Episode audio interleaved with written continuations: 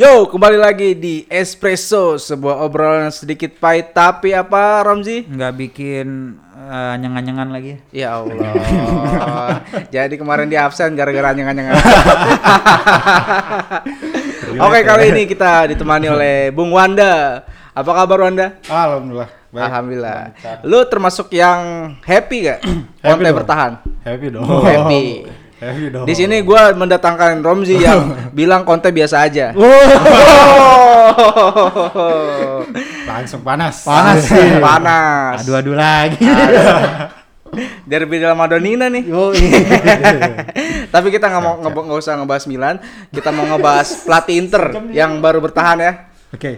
Ada Antonio Conte. Antonio Conte ini rame bahkan banyak banget apa namanya versi media sebelum yang ada fresh release ya. Ada yang bikin akun Fabrizio Romano palsu. serius Iya. Tahu gua Itu fans Inter sempat ada yang ke trigger loh. Ada ya? Ada tuh. Hati-hati tuh. Pokoknya bukan checklist tapi tujuh. Tujuh sama ombak eh ombak apa asap gitu. iya. Dan akhirnya diumumin nih Conte bertahan sesuai dengan apa ya? Mungkin visinya mulai seimbang nih antara Marota, Marta Ausilio, Ausilio juga bertahan kan?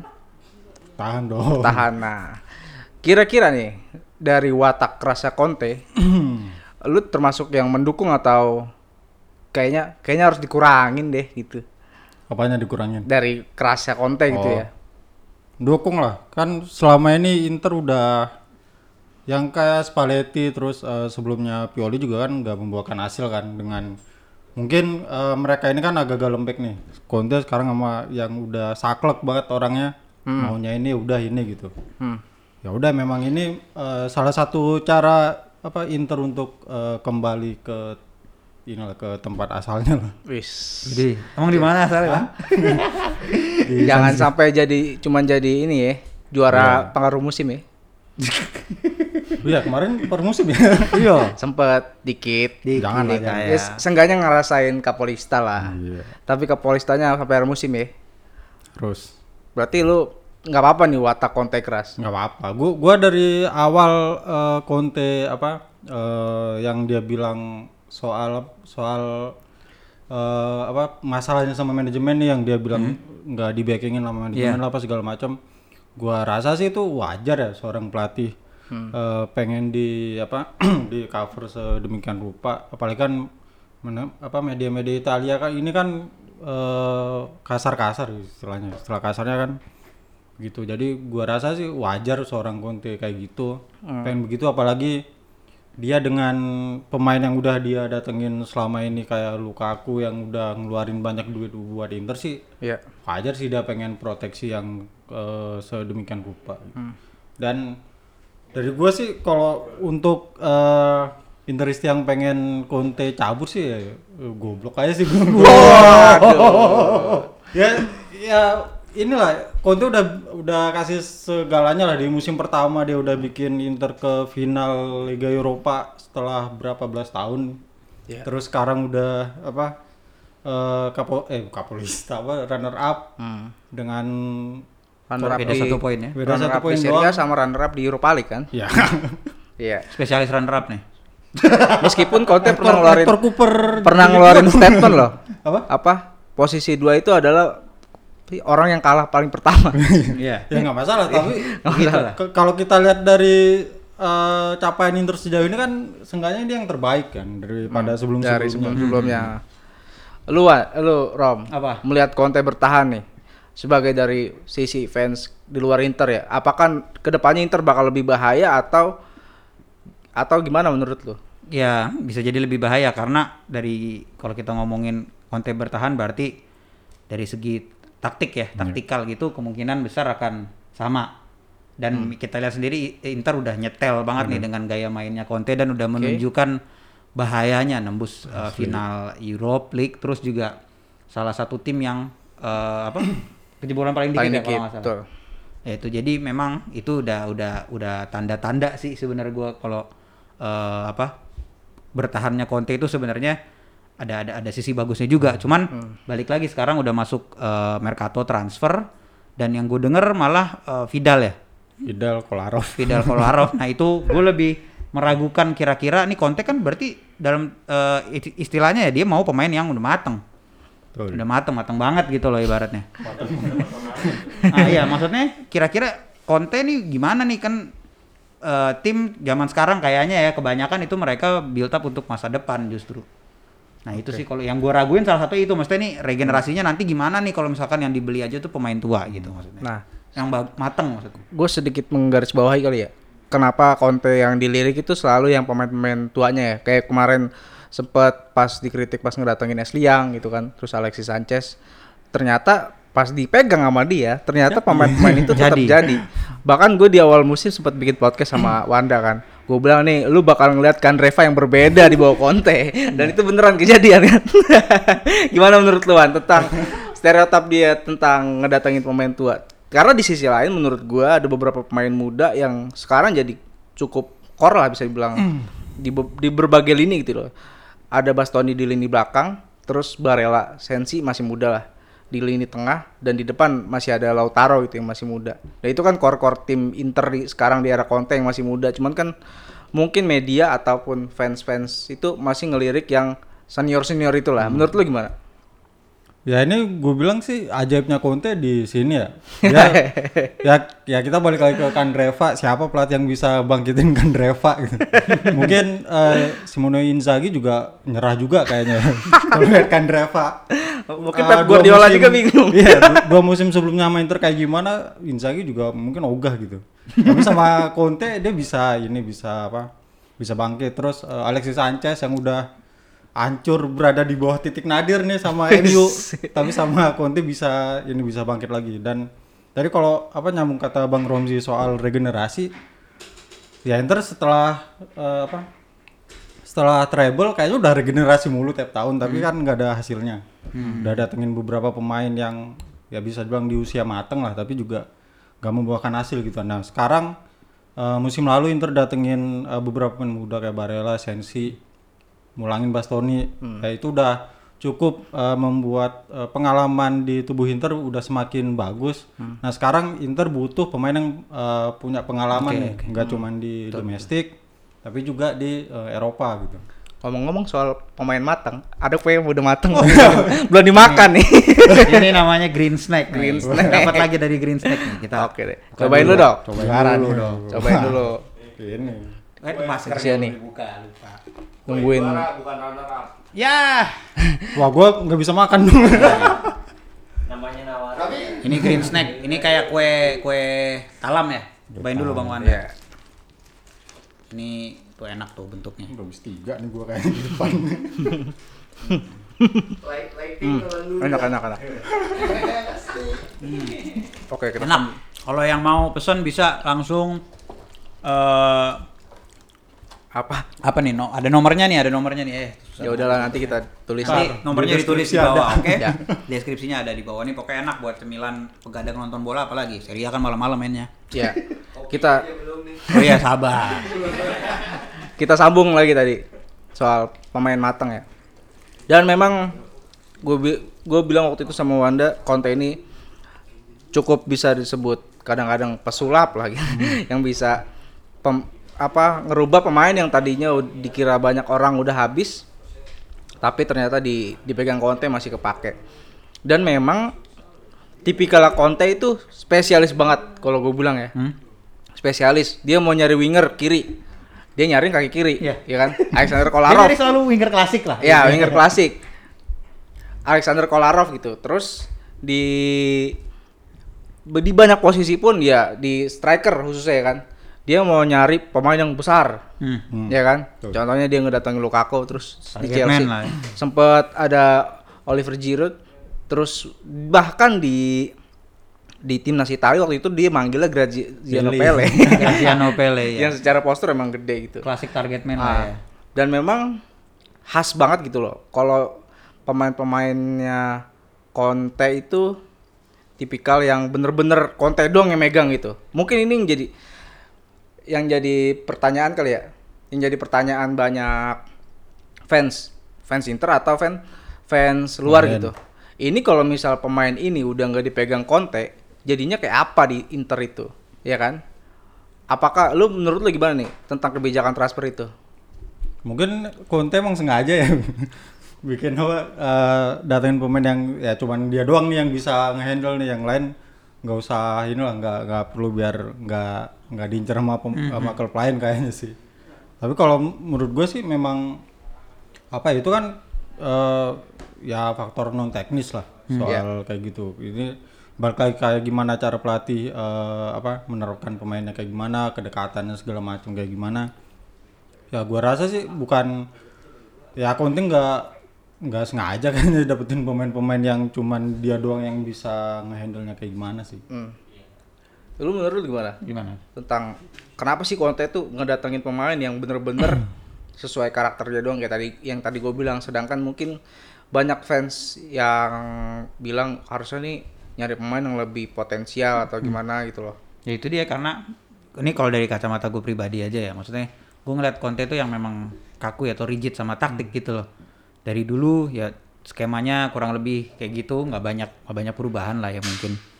Ya ya itu jadi dia beli yang memang dia udah tahu kebutuhannya gitu loh. Dia butuh seorang uh, wingback kanan atau winger kanan yang yang bisa crossing dari kanan. Jadi dia udah tahu kakinya harus kaki kanan. Atribut-atributnya seperti ini, seperti itu gitu loh. Jadi memang kalau ngelihat transfer Inter menurut gue di pas di eh, Conte itu nggak ada transfer kejutan lah ibaratnya sesuai sama posisinya apalagi kayak eh, pas Akraf Hakimi udah deal ya udah udah jelas gitu loh Lukaku ya udah jelas. Karena tipikalnya dia kayak gitu ya. Eh tadi Bang Wanda bilang ada Grazi eh lu bilang ya apa? Pele. Pele terus sempat ngincer Giroud terus yang datang Lukaku ya ya sama mereka tipikalnya kurang lebih kayak gitu. Sempat sempat itu juga Zeko ya. Zeko. Edin Zeko ya. Jadi itu kasih balik lagi ke kebutuhan taktiknya Conte sih kalau menurut gue yang memang rigid kayak gitu. Hmm. Karena mungkin mungkin pandangannya gini Wan, kalau misalnya fans menilai Conte sebagai pelatih dengan gaji besar gitu, ini harusnya pelatih nawarin variasi taktik lebih banyak dong. harusnya Harusnya. menurut gua ya menurut nah gua menurut lu pun kayak gitu ya kan. Sedangkan ya Conte tuh dia pernah bilang waktu itu waktu ngelatih Chelsea kalau nggak salah, waktu dia pertama dia sempat ngerubah taktik ke 4 back. Waktu itu terus kalah lawan Arsenal 3-0, terus katanya dia nggak bisa tidur berhari-hari. Gua nggak tahu itu karena kebanyakan kopi atau gimana. karena mikirin taktik ya. kan. Iya. Mungkin ya banyak kebanyakan. kebanyakan. Nah itu akhirnya dia ngerubah ke skema 3 back yang udah dia terapkan di klub-klub sebelumnya lah. Sempat dicoba juga sih di pramusim waktu itu di Chelsea.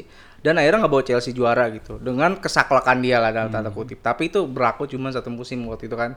Hmm. Di musim selanjutnya dia udah kebaca. baca udah mulai banyak kebaca. Dan ini apakah dia bakalan ngasih alternatif lain atau masih rigid dengan taktik itu? Karena seenggaknya pelatih-pelatih di Serie A apalagi ya yang sering mempelajari apa klub sebelum dia tanding gitu. Dan mungkin Conte ini udah familiar banget lah taktiknya bisa dibilang. Mungkin menurut lo variasi apa sih yang dibutuhin Conte? Kalau variasi, kalau di belakang kayaknya dia tetap bakal tiga back sih, nggak nggak nggak mungkin uh, beralih lagi ke empat back karena ya tadi di Chelsea kan udah gagal, udah terbukti gagal di di pertandingan lawan Arsenal. Setelah itu dia balik lagi ke tiga back. Jadi kalau gua lihat sekarang di Inter sih dia sejauh ini kan pakainya uh, ada dua skema nih, tiga empat satu dua sama tiga lima dua. Oke lah 341 dia cum dia cuman untuk uh, mengakomodir kebutuhannya Erikson doang. Erikson Oke. karena ada Erikson. Ya karena ada Erikson. Walaupun uh, ya sejauh ini sih belum bisa dibilang sukses ya karena Eriksonnya juga masih kayak gitu. Tapi sempat waktu apa uh, Borja Valero dimainin juga sempat pakai 3412 dan itu terbukti lebih lebih apa ya lebih cocok lah sama uh, uh, Valero-nya. Tapi sama Eriksonnya nggak cocok. Uh, gue sih jadi keingetan apa kata Icang ya datangnya Erikson tapi nggak datengin pemain lain Ah, adanya Biragi buat sama. Andreva gitu-gitu. Gue jadi keinget apa keingetan gitu kan. Memang nggak ada tandemnya gitu si Hmm, Erikson tapi kalau balik lagi soal skema permainan sih ya itu tadi gue bilang dia masih ada 3412 Hmm. masih ada 352 dengan nanti eh Bora Valero udah pasti hengkang Hmm. terus katanya sih eh Brozovic mau di apa mau ditendang juga tapi gua nggak setuju ya Brozovic ditendang tapi Iya.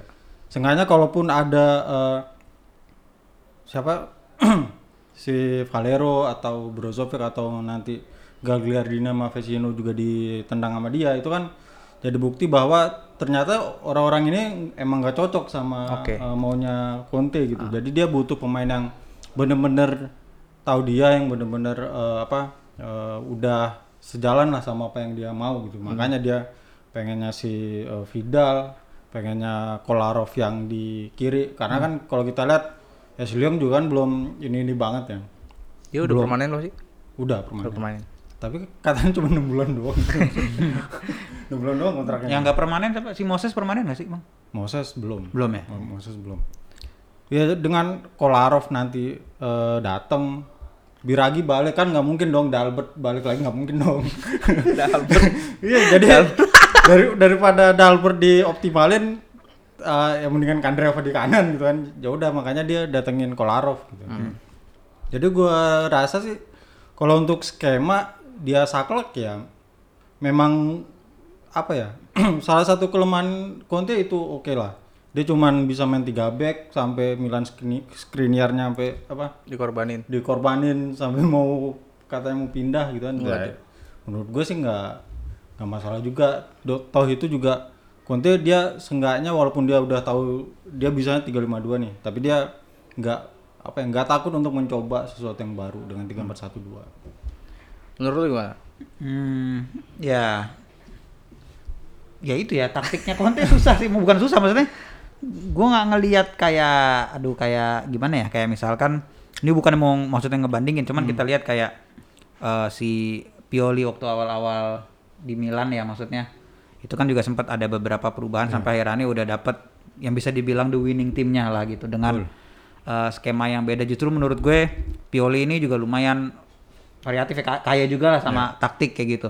Sedangkan yang gue lihat dari Conte tuh ya enggak gitu-gitu aja gitu loh. Walaupun memang terlepas dari eh, waktu final lawan si Sevilla. itu memang faktor luck Sevilla gue akuin lah.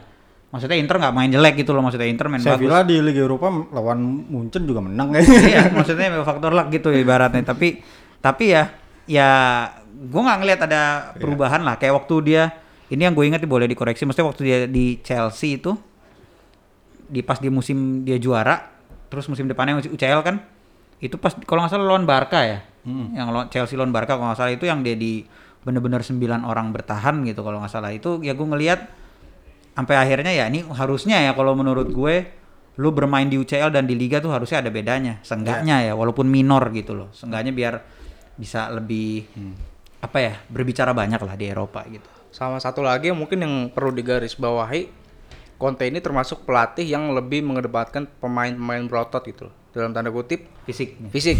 Ah, bahkan si Cesc Fabregas pernah bilang kan, porsi latihannya Conte itu gila gitu.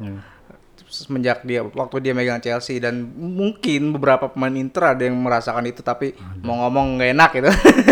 The, Vrij udah ngomong. The Vrij bilang The ya? Vrij udah ngomong ini pramusim doang. Dia dia udah udah kayak berasa mau apa pertandingan final gitu. The Iya. Vrij ngomongnya. Dia ngomong ke Van Persie kalau nggak salah. Pramusim sama Conte gila banget. Hmm. Dan itu eh, apa ya yang mu- mungkin membuat eh, intensitas eh, latihan Inter jadi gi- gila gitu, Iya. jadi berat karena itu dia eh, porsi latihannya udah padat. Hmm. Mungkin beda sama Ancelotti yang waktu di Munchen cuman 20 menit tabang latihannya gitu gitu. Gitu sih. Memang dari dari latihannya dia udah diporsir banget sih. Hmm. si Conte itu.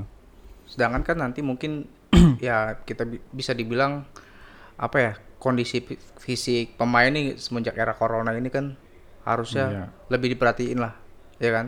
Apalagi kayak kemarin tuh terakhir-terakhir tuh main di jadwal mereka libur. Nah itu maksudnya faktor kelelahannya pun masih di. Sedangkan Conte tetap bermain dengan gayanya dia gitu loh. Makanya mungkin tenaga lumayan terkuras dan makanya dia mungkin nantinya bakal ngedatengin pemain-pemain yang tetap tipikal dia yang otot gitu loh. Kayak tadi Vida, tapi kan usianya udah Udah. udah berat gitu loh. Nah makanya kalau merhatiin pressingnya, tipikal pressingnya Conte itu kan bener-bener yang kerja keras kalau bisa dibilang lini tengah lah. Nah sedangkan yang baru baru santer dikabarin buat datengin, buat datang di Inter gitu loh. Cuman Vidal ya, baru Vidal ya. Terus Tonali masih ini nih, masih katanya keluar dari eh, OTW ke Milan. OTW ke Milan ke hijack katanya katanya ya maksudnya itu it- itu pun kayaknya Conte mau nggak mau gitu loh ngambil Tonali Pa- padahal untuk kalau gue bilang urusan tenaga gitu loh Tonali masih muda gitu kan. Mhm.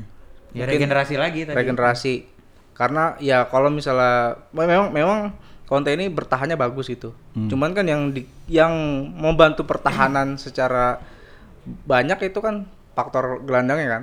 Gelandangnya yang nggak ragu buat kartu kuning gitu ngasih-ngasih pelanggaran. Dan sempet jadi senjata makan tuan waktu lawan Sevilla.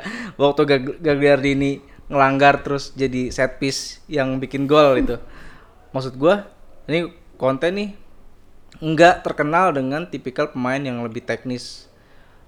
Maksudnya dia kurang mengakomodir kali ya sebutannya ya. Iya. tipikal-tipikal pemain yang secara teknis nih bagus kayak Erikson kan sebenarnya kan teknis. Teknikal, iya. teknikal kan pemain-pemain kayak gitu. Nah ini menurut lu gimana Wan? Yang kenapa nih? Apa apa Conte bakalan tetap dengan gaya ya kerasnya gitu tetep lah. tenaganya? Tetep lah. Dia ini kan bisa dibilang ini musim depan kan musim pertaruhan dia ya. Ya. Bukan nggak mungkin dia di tengah musim dipecat kan itu sesuatu yang memungkinkan gitu untuk uh, ini. Allegri LinkedIn-nya udah iya iya. Disiap-siap Lin. udah siap-siap. Allegri. Jadi ya gua rasa sih dia tetap bakal dengan apa yang dia yakini sih. Hmm. apa yang dia yakini eh, ya balik lagi berkaca dengan musim lalu dia udah ya bisa dong cukup berhasil lah ya sama eh, capaian eh, Inter musim lalu gitu. Dengan musim depan ya gua rasa sih dia tetap eh, dengan apa yang dia percaya dia tetap saklek dengan apa eh, formasi dengan pemain-pemain yang dia percaya bisa mengangkat eh, performa Inter sih dan gue sih nggak ngelihat ada alasan buat eh, Conte mengubah itu ya Hmm. Takutnya kan kalau diubah lagi malah jadi nggak ini nggak stabil permainannya. Kemarin 3-4-1-2 udah beberapa kali dicoba oke lah eh, menang tapi kan permainannya kan jadi nggak se apa ya nggak se Nggak pakem lah ya. nggak pakem lah nggak sebagus waktu dia pakai 352. Menurut lu gimana Kom? Apa? kira-kira apakah bener Conte ini bakalan tetap pakai power gitu loh tenaga dan nggak butuh pemain teknikal kayak tadi karena ya di bursa transfer ini pun Iya. kita lihat Ya rumornya si Vidal, terus yang Kolarov yang udah hampir jadi, terus Akraf Hakimi ya menurut gua dari dari tiga itu kelihatannya kayaknya bakal tetap sama aja kayak kayak musim kemarin gitu loh maksudnya. Nggak bakal ada banyak perubahan dan yang jadi teka-teki kan si Erikson itu nih mau gimana gitu loh. ya Gimana apakah Erikson menyesuaikan skemanya Conte atau Conte harus cari formula baru supaya bisa memaksimalkan Erikson itu yang yang yang yang yang masih kita nggak tahu gitu loh ibaratnya. Jadi kalau ngelihat Conte musim depan ya menurut gua masih bakalan sama kayak yang sekarang. Karena sekalipun ada nama besar gitu ya yang yang diincar Conte bukan Lionel Messi tapi N'Golo Kante ya itu memang karakter dia begitu. Fisik lagi yang lagi-lagi ball winner lagi ibaratnya. Iya kan? gitu. sebenarnya kan sempat punya nenggolan lah ya tapi menenggolan begitu kan. Gue tuh masalah apa sih attitude ya? Attitude, masalah di luar lapangan. oke deh Anak berarti nggak bakal ada pemain yang tipe-tipe Messi gitu atau siapa yang lebih kreatif lah lebih kreatif gitu Messi kalau kalau Messi dipegang Conte gua nggak tahu tuh mainnya kayak gimana, sumpah. Makanya. Tiga Enggak, gue sempet main tiga lima dua. gue sempet nge-tweet kemarin misalnya Conte apa Messi datang yang pertama Conte lakuin itu dia si Conte bakal ngasih video kumpulan Giacerini buat, buat dipelajari sama Conte Simone Pepe. Sulit, sulit, sulit, sulit. ya kan Conte-nya sendiri memang dia emang nggak mau si Messi kan. Dia awal juga pas kemarin-kemarin Morati ngebet banget eh, siapa sih Messi datang ke Inter dia udah bilang mindahin Duomo dari apa dari Milan ke mana gitu lebih gampang daripada mindahin Messi ke Inter.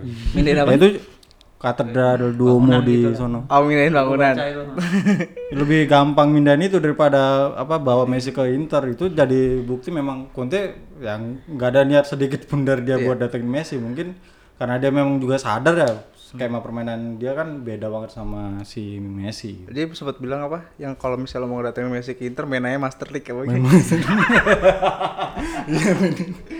berarti Siapa emang tuh yang bilang ya? Lupa tuh. oke berarti nih masih yakin loh Conte Iya. bakal bersinar? Hah? apa? Juara? gelar gak? Dapat gelar gak? juara. Juara? Enggak lah.